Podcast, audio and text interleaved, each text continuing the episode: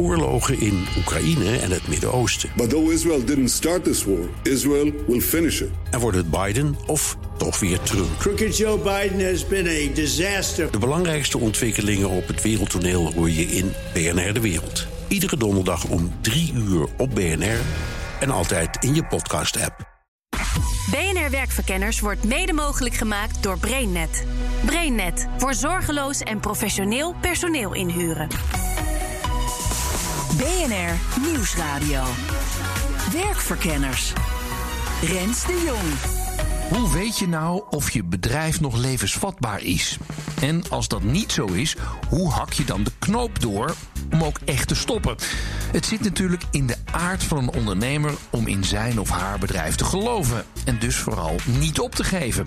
En toch zijn er wel signalen waar je wel naar zou kunnen luisteren. Bijvoorbeeld vanuit je onderbuik. Als dat maar aanhoudt eh, dat dat negatief is, dat onderbuikgevoel, ja, dan lek je energie. Ja. En dan lek je dus ook uh, ja, je energie naar je, naar je bedrijfsactiviteiten. En voordat je het weet, beland je in een visieuze cirkel. Op het moment dat je uit gaat stralen naar buiten toe dat het niet zo goed gaat, dat mensen ook hun handen ervan aftrekken. Ja. En als je wint, heb je vrienden. En in die periode heb je weinig vrienden. Dus dat gevoel van eenzaamheid, als je dat begint te herkennen en uh, je alleen voor staat, dat is ook wel een teken aan de. Bij stoppen maakt het nogal wat uit of je een BV hebt of een eenmanszaak. Als je stopt met een BV en je onderneming daadwerkelijk uitschrijft en liquideert, zoals we dat noemen, dat de BV ook echt ophoudt te bestaan.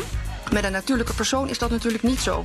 Die houdt niet op te bestaan op het moment dat hij zijn onderneming stopt. Die blijft bestaan. En dat betekent ook dat de schulden waar je niks mee doet, dat die eigenlijk gewoon op die persoon blijven rusten. En dat is eigenlijk zijn hele leven lang, tenzij die daar uh, regeling voor treft. En eigenlijk moet je al bij de oprichting van het bedrijf nadenken over wat je doet als het misgaat. Als jij een huis koopt, dan heb je ook een opstalverzekering. Hè? En dat is eigenlijk ook, hè, wat, wat als de hele boel afvikt. Wat dan? Dan denk je er wel over na. Ja. En dat doe je dan niet met je bedrijf? Ja, allemaal tips deze uitzending dus om op tijd te stoppen. Niet dat het een makkelijk proces is hoor, ermee ophouden. Het is een proces wat je echt niet in de koude kleren gaat zitten. Het is een heel beroerd proces. Ik heb zelf iemand gehoord die zei... het, het verlies van een bedrijf staat gelijk aan het verlies van een naaste. Zo erg kan het ervaren worden als een ondernemer. En het proces van rouw, als het ware, is ook hetzelfde. Maar als je met deze curator te maken krijgt, krijg je hulp. Haar boodschap is wel heel duidelijk. Dat begint heel hard. Hè, door te zeggen tegen zo'n man... Ja, je zit in het diepste putje waar je maar kan raken. Maar één ding, hier is mijn hand en ik kan je eruit trekken... maar dan moet je wel meewerken. Werkverkenners. Je had een geniaal idee. Je ontdekte een gat in de markt. En daar bouwde je een prachtig bedrijf omheen. Kon niet misgaan. Totdat de markt veranderde. Of corona roet in het eten gooide. Of nog iets anders.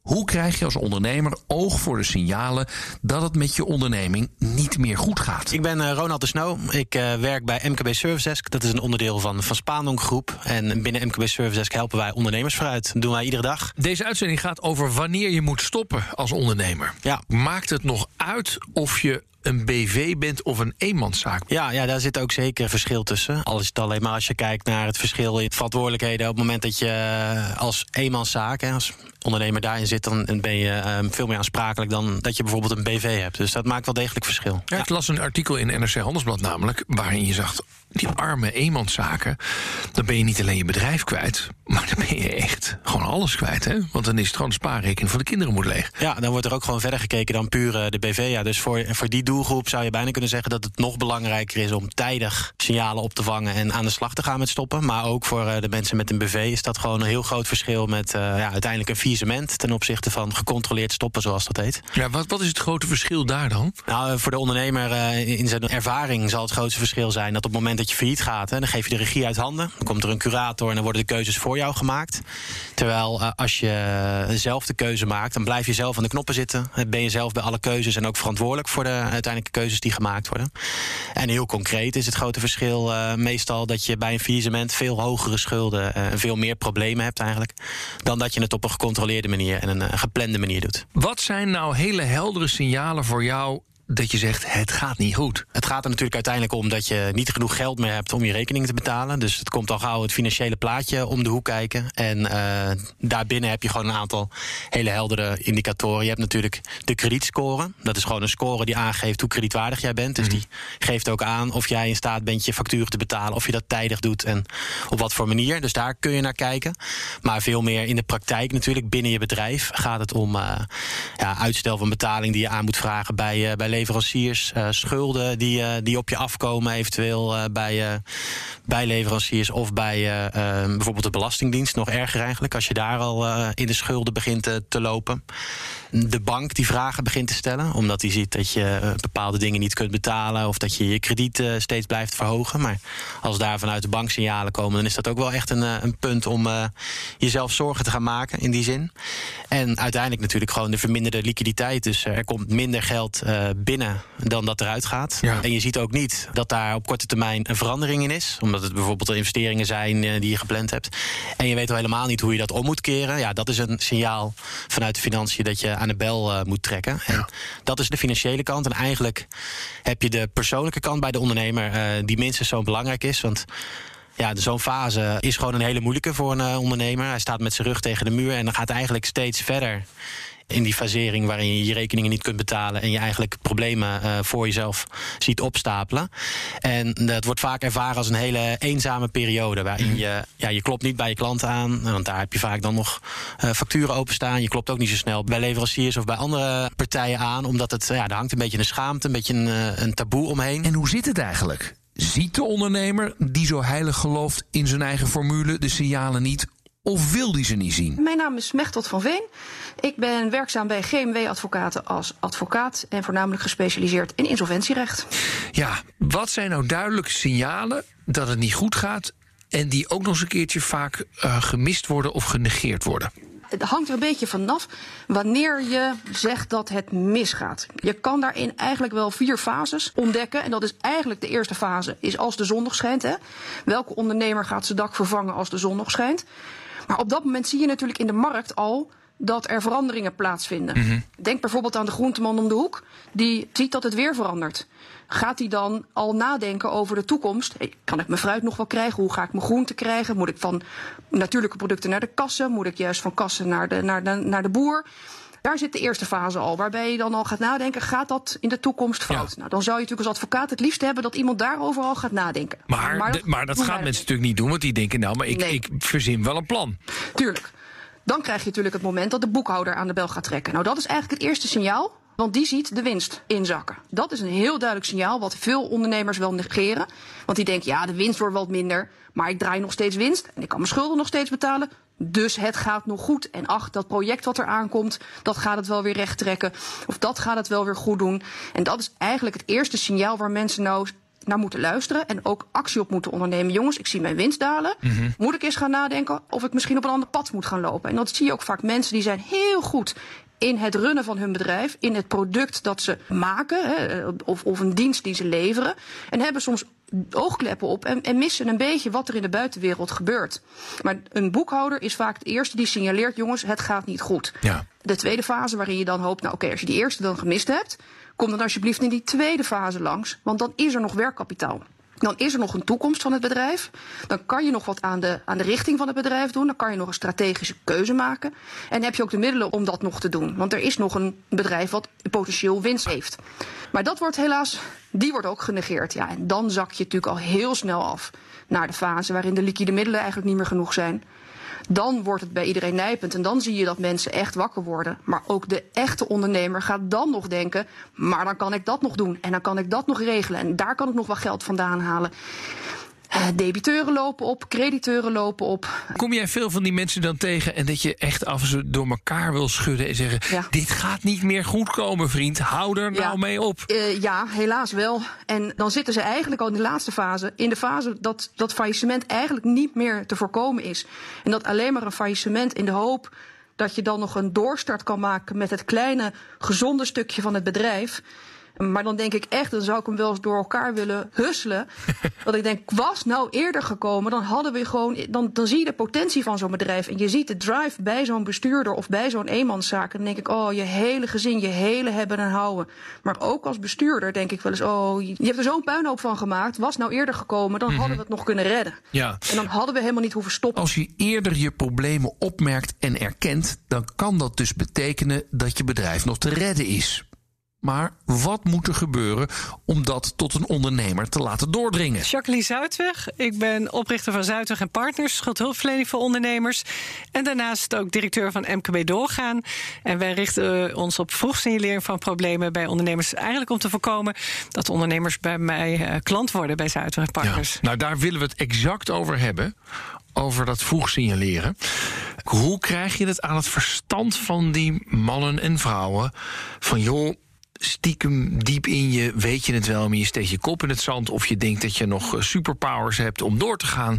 En nou ja, over een maand of acht ram je gewoon keihard met je ondernemer tegen de muur aan en ben je failliet. Ja. En we willen eigenlijk dat die mensen eerder gaan stoppen.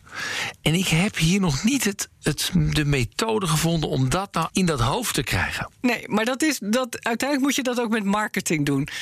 En wat bedoel ik daarmee? Uh, bij MKB Doorgaan is sinds uh, vorige week aangesloten bij uh, Geld Fit Zakelijk. Zijn we onderdeel van een, een, route. Nou, daar kan je een testje doen. En ja, we zijn nog druk bezig om die testen heel goed te maken. Mm -hmm. daar, daar, moet je voorstellen, je bankiert bij een van de, van de, de, de, grote vier. En jij krijgt via jouw app krijg je informatie van ondernemers met financiële problemen. Zoek hulp. Je krijgt het één keer te zien. Dan krijg je het nog eens in een andere vorm te zien. En hey, je bent verzekerd, ik noem maar wat, bij Achmea of mm -hmm. bij Egon, whatever. En dan krijg je hetzelfde te zien. En dan op een gegeven moment denk je, nou, ik ga toch maar eens even kijken. Ik ga er toch maar eens op klikken. Hé, hey, je kan anoniem een test doen. Oh, oké, okay, ik kan daarheen. Oh, ik kan ook naar MKB doorgaan. Wat is dat? Ja. En op die manier, hè, dan, uh, het is de kracht van de herhaling. En uiteindelijk ja, gaat zo'n ondernemer door, nou, dan gaat, komt hij in de kasso-machine terecht. Mhm. En want zo gaat het. Ja. Stel, je, je bankiert, uh, ik noem maar, bij de ABN AMRO Bank. En de ABN die belt jou en zegt van... joh, meneer Jansen, u heeft een achterstand. En dan zegt meneer Jansen, ja, dat klopt. En ik wil wel betalen, maar ik kan op het moment niet betalen. Nou ja, maar een paar maanden verder is het, is het nog steeds zo. Dan gaat de bank op een gegeven moment denken... nou, vind maar lastig. Die meneer Jansen, up, naar het incassobureau. Incassobureau belt of mailt en uh, gaat duwen, duwen, duwen. Weer dezelfde vraag, hetzelfde antwoord. Nou, dat doen ze drie keer. En op een gegeven moment denken ze... ja, zegt tegen de bank, uh, ik krijg niks uh, voor elkaar met meneer Jansen. Doe maar naar de deurwaarder. Dan gaan we beslag leggen, openbaar verkoop allemaal met de bedoeling om hem tot betalen te krijgen. Nou, en als hij nou slim is, dan gaat hij uiteindelijk nog naar de gemeente. En hoop, hoop je dat hij in de gemeente woont die nog wat uh, hulp bij schulden biedt. Wat heel veel gemeenten niet doen, terwijl het wettelijke plicht is. Maar wat vraagt meneer Jansen eigenlijk? Al die tijd, bij dat eerste telefoontje van die bank. Ik heb hulp nodig. Hmm. Ik wil wel betalen, maar kan niet betalen. Met andere woorden, help mij. Ja. Maar dat zegt hij niet direct, want je gaat niet om hulp vragen, want je bent zelfredzaam als ondernemer. Dat vinden wij als omgeving en ook die schuldeisers vinden dat ook. Ja, en, ja, precies. Dus het is de kracht van herhaling. Dus Ja. daarom zeg ik met marketing, informatie. Dus van vraag hulp is eigenlijk van joh, Ja. laat je nou. Tuurlijk. Je hoeft het niet allemaal zelf te bedenken. Vraag En dat is natuurlijk onderdeel van het ondernemerschap. Ja. Je moet altijd mensen om je heen verzamelen die het beter kunnen dan, dan jij dat kan. Ja, dat klopt. Maar dan is het natuurlijk ook wel vaak zo dat vraag hulp gaat ook wel weer over de groeivraag. Toch? Dus Ja. vraag hulp om te groeien. Ja, maar hier ook- is eigenlijk de vraag: vraag hulp om het netjes af te ronden. Vra- vraag hulp om te groeien bij je ondernemersvaardigheden. Want je leert als ondernemer veel meer van de downside dan van de upside van het ondernemerschap. En, en daar, daar moet je dus vanaf. Eh, Het wil helemaal niet zeggen. We, krijgen ondernemers zeggen: oh, Ik heb eh, eh, achterstand bij de Belastingdienst en ik heb uitstel gevraagd, maar dat wordt niet verleend. En ook, ik kan ook geen betalingsregeling treffen. Moet ik nu mijn faillissement aanvragen? Nee, natuurlijk niet. Je gaat kijken of je bedrijf levensvatbaar is los van de schulden. Hè, En dat is iets, dat die informatie krijg je dus ook niet bij de start. Als je startersinformatie verzamelt, moet je ook zorgen dat je het slecht en dat je daar informatie over krijgt. En eh, ik zeg altijd tegen mensen, als je, als je start met een bedrijf, eh, zorg dat je er een termijn aan verbindt. En dat je gaat kijken, oké, wat waren mijn doelen voor het eerste jaar en hoe, hoe gaat het? Vind ik het nog leuk? Zie ik perspectief? Hoe gaat het financieel? En zet ook op papier vooraf, wanneer denk je dat je zou moeten stoppen? Straks, als je eenmaal zover bent, dat je weet dat er iets moet gebeuren. Welke stappen kun je dan zetten? Bij wie kun je aankloppen voor hulp? De curator is dan niet de eerste aan wie je denkt. Dat is het tegenstrijden van een curator. Want wat je als curator wil, is het geld. Om uiteindelijk aan de crediteuren uit te geven. En wat iemand jou vooral niet wil geven, is zijn geld. En dat is heel natuurlijk. Want je hebt, mensen hebben, zijn bang, dan kan ik niet meer eten. En hoe moet ik mijn gezin nou onderhouden? En die tweestrijd is er altijd. En niet iedereen wil die hand van de curator pakken. Rens de Jong. Maar eerst de vraag hoe je dat kantelpunt kunt herkennen. Wanneer gaat het slecht, maar kun je nog proberen bij te sturen? En wanneer is het moment daar dat de stekker eruit trekken nog de enige optie is? Het kantelpunt zou hem eigenlijk moeten zitten in, aan de voorkant. Als het ook maar het minste signaal is van dat je die kant op zou kunnen gaan. Dan hulp inschakelen, zodat iemand van een afstandje. Wie zou die hulp kunnen bieden? Is dat de accountant? Is dat een adviseur? Wie, wie zijn dat? Ja, in eerste instantie zou ik altijd uh, met de boekhouder, want daar heb je al een relatie mee. Uh, en en die, die kent je cijfers ook daar aan de bel trekken.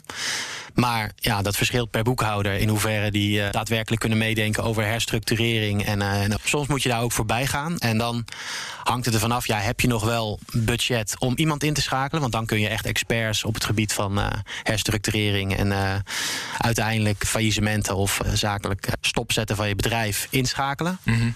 Maar heel vaak is het natuurlijk ook zo dat dat niet meer het geval is. Daar dan kun je denken aan prodeo-advocaten of initiatieven in de markt die er zijn.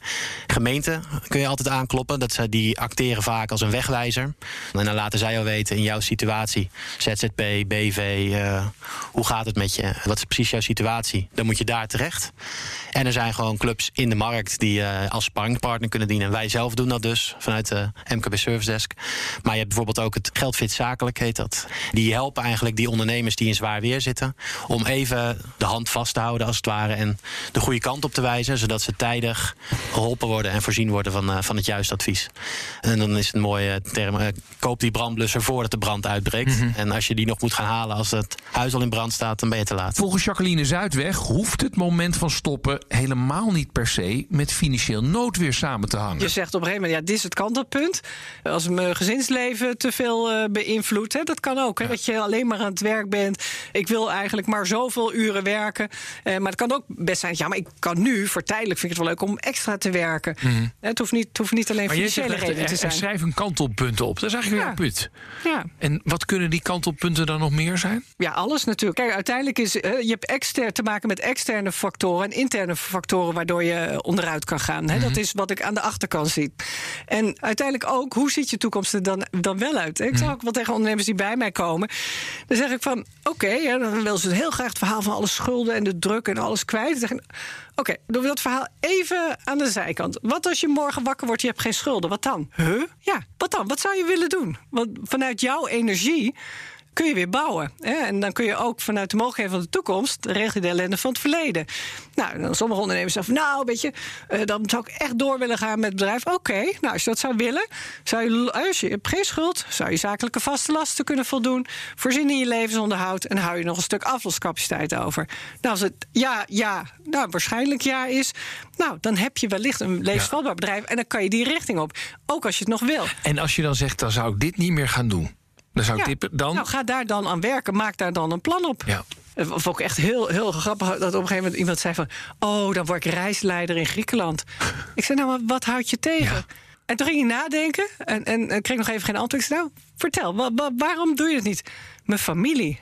Ik zeg, hoezo?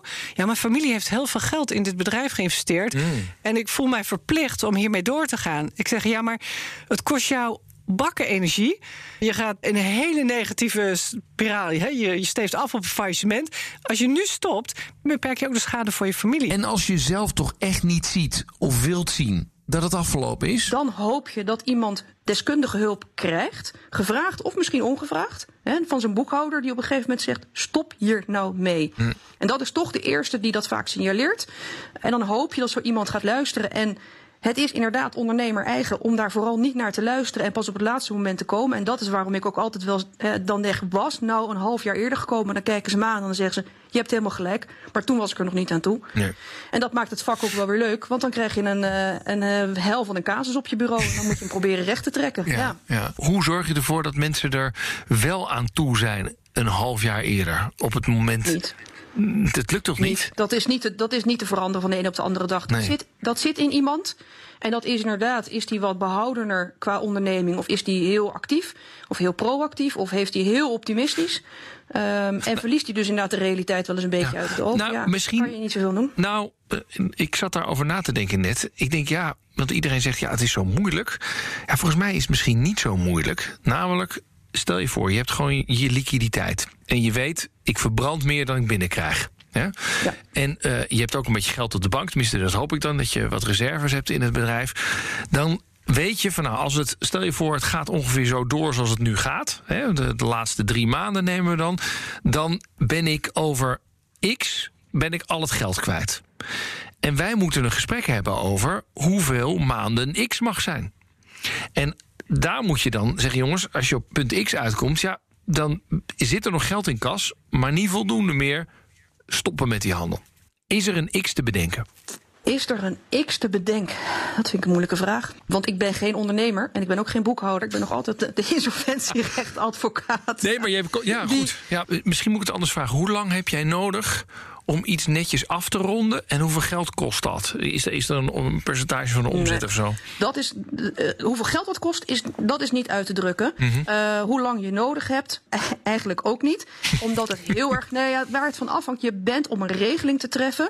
En dan heb ik het dus niet over dat je iedereen netjes betaalt. Want dat is eigenlijk gewoon het, het, netjes afwikkelen van je bedrijf en uiteindelijk gewoon rustig stoppen. Dat, die rustige landing. Ja. Maar op het moment dat je zegt ik wil regelingen gaan treffen, ben je volledig afhankelijk van je crediteuren. En een hele belangrijke regeling waar Mechtelt van Veen een warm pleitbezorger van is, is het crediteurenakkoord. Het crediteurenakkoord zoals het er nu ligt, heb je 100% van je crediteuren nodig die meegaat. Nou, dan begin je altijd al met de Belastingdienst en de bank. Want dat zijn de twee grootste die je al mee wil hebben. Omdat je dan tegen de andere crediteuren kan zeggen... ja, maar de Belastingdienst en de bank die willen ook mee. Dus waarom zou jij het niet doen? Op het moment dat jij al ruzie hebt gemaakt met één of twee... om wat voor reden dan ook... dan wordt dat al een heel lastig traject. Waarbij je natuurlijk pappen houden, pamperen... hopen dat ze uiteindelijk zeggen, oké, ik ga mee. Voor welk bedrag, dat is eigenlijk ook afhankelijk van je financiële situatie, ook privé. Want uiteindelijk ga je de, ga je de activa van het bedrijf verkopen, waardoor je geld op de rekening hebt. Zit er een rekening courant in van die bestuurder, dan zal die natuurlijk ook ingelost moeten worden. Zitten er misschien nog procedures in, zou je die moeten afwikkelen. Ik heb crediteurenakkoorden voor 1% gedaan. Ik heb ook crediteurenakkoorden gedaan voor 60%. Ja. Dat is heel afhankelijk van hoe zo'n bedrijf ja, erin zit. Ga jij dan gesprekken aan met die crediteuren? Is dat dan van, hallo, hier zijn we dan, maar het gaat niet heel goed. Eh, Ik wil graag een regeling treffen, want anders eh, gaat het echt failliet. Ja, dat, dat doen we eh, zowel inderdaad het echte gesprek als een brief. We beginnen vaak met een brief waarin we uitleggen hè, wie we zijn, voor wie we optreden, waarom het zover gekomen is en waarom deze brief nou komt. En daarin geven we ook heel eerlijk openheid van zaken, waarin we zeggen, nou, er is zoveel schuld en er is zoveel geld. En hiermee moeten we het doen. Op het moment dat een bank en een belastingdienst zegt, ja, hier staan wij achter. Met dit bedrijf is niks mis. Hè. Er is bijvoorbeeld geen fraude gepleegd. Of de bestuurder is er niet met het geld vandoor gegaan geeft ook vertrouwen naar een gewone crediteur, een gewone schuldeiser, die dan denkt, nou ja, misschien is dit voor mij inderdaad dan wel het beste om te doen. Ja. En dan krijg ik in ieder geval nog iets van mijn geld. En als je moet stoppen, dan komt het punt dat je misschien wel juist in ieders belang egoïstisch moet zijn. Op een gegeven moment moet je als ondernemer ook aan jezelf denken. Want heel veel ondernemers hebben een heel groot eh, verantwoordelijkheidsgevoel, grote normen en waardeset waar ze uit putten. En dan zeggen ze, nou ja, ik kan dan wellicht eh, dat het de verkeerde kant op gaat, maar ik zorg er wel voor dat ik al mijn leveranciers uiteindelijk nog betaal. Ik zorg ervoor dat ik al mijn medewerkers op de juiste plek terecht laat komen en ik probeer ze zo lang mogelijk te betalen. Dat moet dan even ten koste van mijzelf gaan. Maar er is ook een moment waar je als ondernemer naar jezelf moet kijken en je eigen belang daarin op de eerste plaats moet zetten. Want als het wel misgaat, ja, dan ben jij ook de enige eigenlijk waarmee het echt misgegaan is. Want die werknemers hebben allemaal een vangnet, hoe goede band je ook eh, met ze hebt. En die leveranciers, ja, die hebben ook jarenlang geprofiteerd van de periode dat het goed ging met jou. Met het risico dat dat een keer niet het geval zou zijn. Dus denk daarin ook zeker aan jezelf op het zakelijke vlak. En eh, vooral die, die kant van die ondernemer zelf, het persoonlijke. Waarbij je met die naderende schulden bezig bent, met je rug tegen de muur. Waarbij je vanuit misschien trots niet bij uh, je familie zelfs aanklopt, maar helemaal niet bij leveranciers en, uh, en die omgeving. Dus zorg dat je blijft sporten. Zorg dat je misschien gesprekken voert met iemand in je omgeving om daarin helder te kunnen blijven nadenken. Want ja, nu meer dan ooit moet jij er zijn voor je bedrijf. Dus moet je ook fit zijn tussen de oren om daarin in keuzes te maken. Ronald de Snow van MKB Service Desk helpt ondernemers die moeten stoppen op weg met een stappenplan. Zorg dat je administratie op orde is. Maak een overzicht van alle contracten die je nog hebt lopen. Want leveranciers kunnen je aan die afspraken houden, ook als je stopt. Noem maar wat. Een leaseauto die bijvoorbeeld nog vijf jaar uh, draait dan verwacht die leasemaatschappij in principe gewoon dat je dat betaalt. Maar wat je dan in zo'n proces gaat doen, is met zo'n partij kijken: kan ik dat misschien in in één keer afbetalen. En dan dat we dan bijvoorbeeld uh, een gedeelte van de prijs uh, pakken. Zodat ik nu kan stoppen.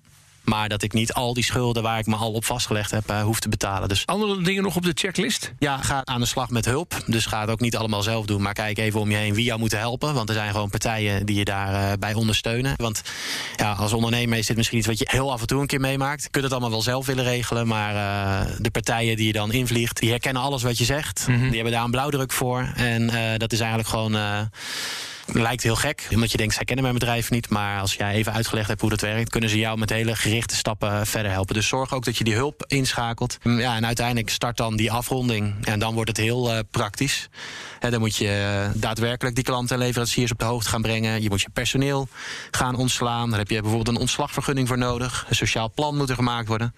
Nou, en dan komen er allerlei stappen ja. tot en met uiteindelijk het opheffen van je domeinnaam en het uitschrijven bij de KVK. En dan heb je je BV of je bedrijf daadwerkelijk geliquideerd. En ja. dat moet je dan uh, ja, in een envelop op de bus doen. En dat is wel even een dingetje natuurlijk. Na al die jaren dat je met zaligheid je bedrijf geleid hebt. Het blijft hoe dan ook verdrietig. Maar het lijkt wel een hoop te schelen als je gecontroleerd stopt. Voordat je failliet gaat.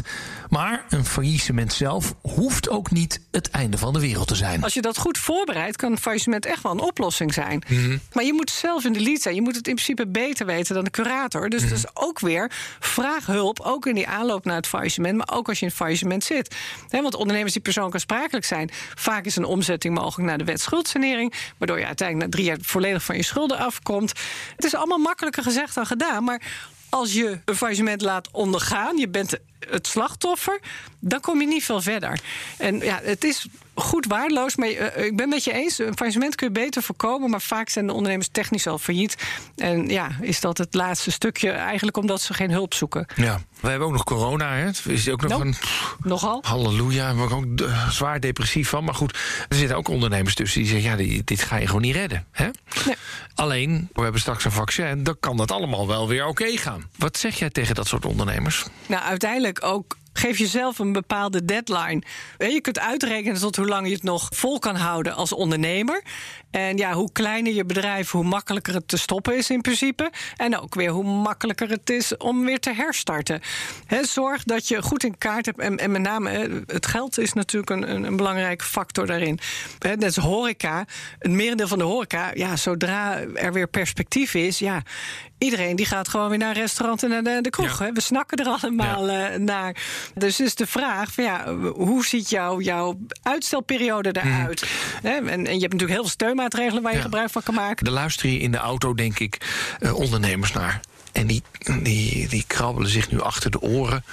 En die denken: hmm, misschien gaat het wel over mij. Wat is jouw tip? Deel je probleem, je uitdaging. Bespreek het eens met, met iemand uh, die je vertrouwt. En als je niemand hebt, nou, dan kan je altijd naar MKB doorgaan. Conclusie van deze uitzending. Er zijn echt wel signalen dat het niet goed gaat. Belangrijkste, als er meer geld uitgaat dan er binnenkomt, dan is het tijd voor actie. Probeer zelf echt alert te zijn op de signalen. En bedenk dat de mentaliteit dat je het zelf wel oplost je heel ver heeft gebracht, maar je nu ook echt kan opbreken. Alle drie mijn gasten zijn er heel duidelijk over. Zoek en nog belangrijker, accepteer hulp. Ook een curator, het lijkt in een faillissement waarschijnlijk de grote vijand, kan je de helpende hand bieden. En als je op tijd bent en je kunt gecontroleerd stoppen, dan heb je vaak aanzienlijk minder schulden dan bij een faillissement. En je zit vaak zelf veel meer aan het roer. Zorg ervoor dat je administratie op orde is en dat je weet aan welke afspraken je gehouden bent. Een crediteurenakkoord kan je helpen om in één keer met al je leveranciers en schuldeisers afspraken te maken. En is een faillissement echt niet meer af te wenden, probeer het dan toch nog zoveel mogelijk zelf in de hand te houden. Wie het alleen maar ondergaat, zei Jacqueline Zuidweg al, komt vaak veel slechter uit. Nou, dit was hem weer, de werkverkenners voor deze week. Volgende week dan krijg je weer een verse op dinsdag om half vier. En in je podcast-app kun je op ieder moment terugluisteren. Tot de volgende keer. Dag. BNR Werkverkenners wordt mede mogelijk gemaakt door BrainNet. BrainNet voor zorgeloos en professioneel personeel inhuren. Ook Bas van Werven vind je in de BNR-app. Ja, je kunt live naar mij en Iwan luisteren tijdens de ochtendspits. Je krijgt een melding van Breaking News. En niet alleen onze podcast Ochtendnieuws, maar alle BNR-podcasts vind je in de app. Download nu de gratis BNR-app en blijf scherp.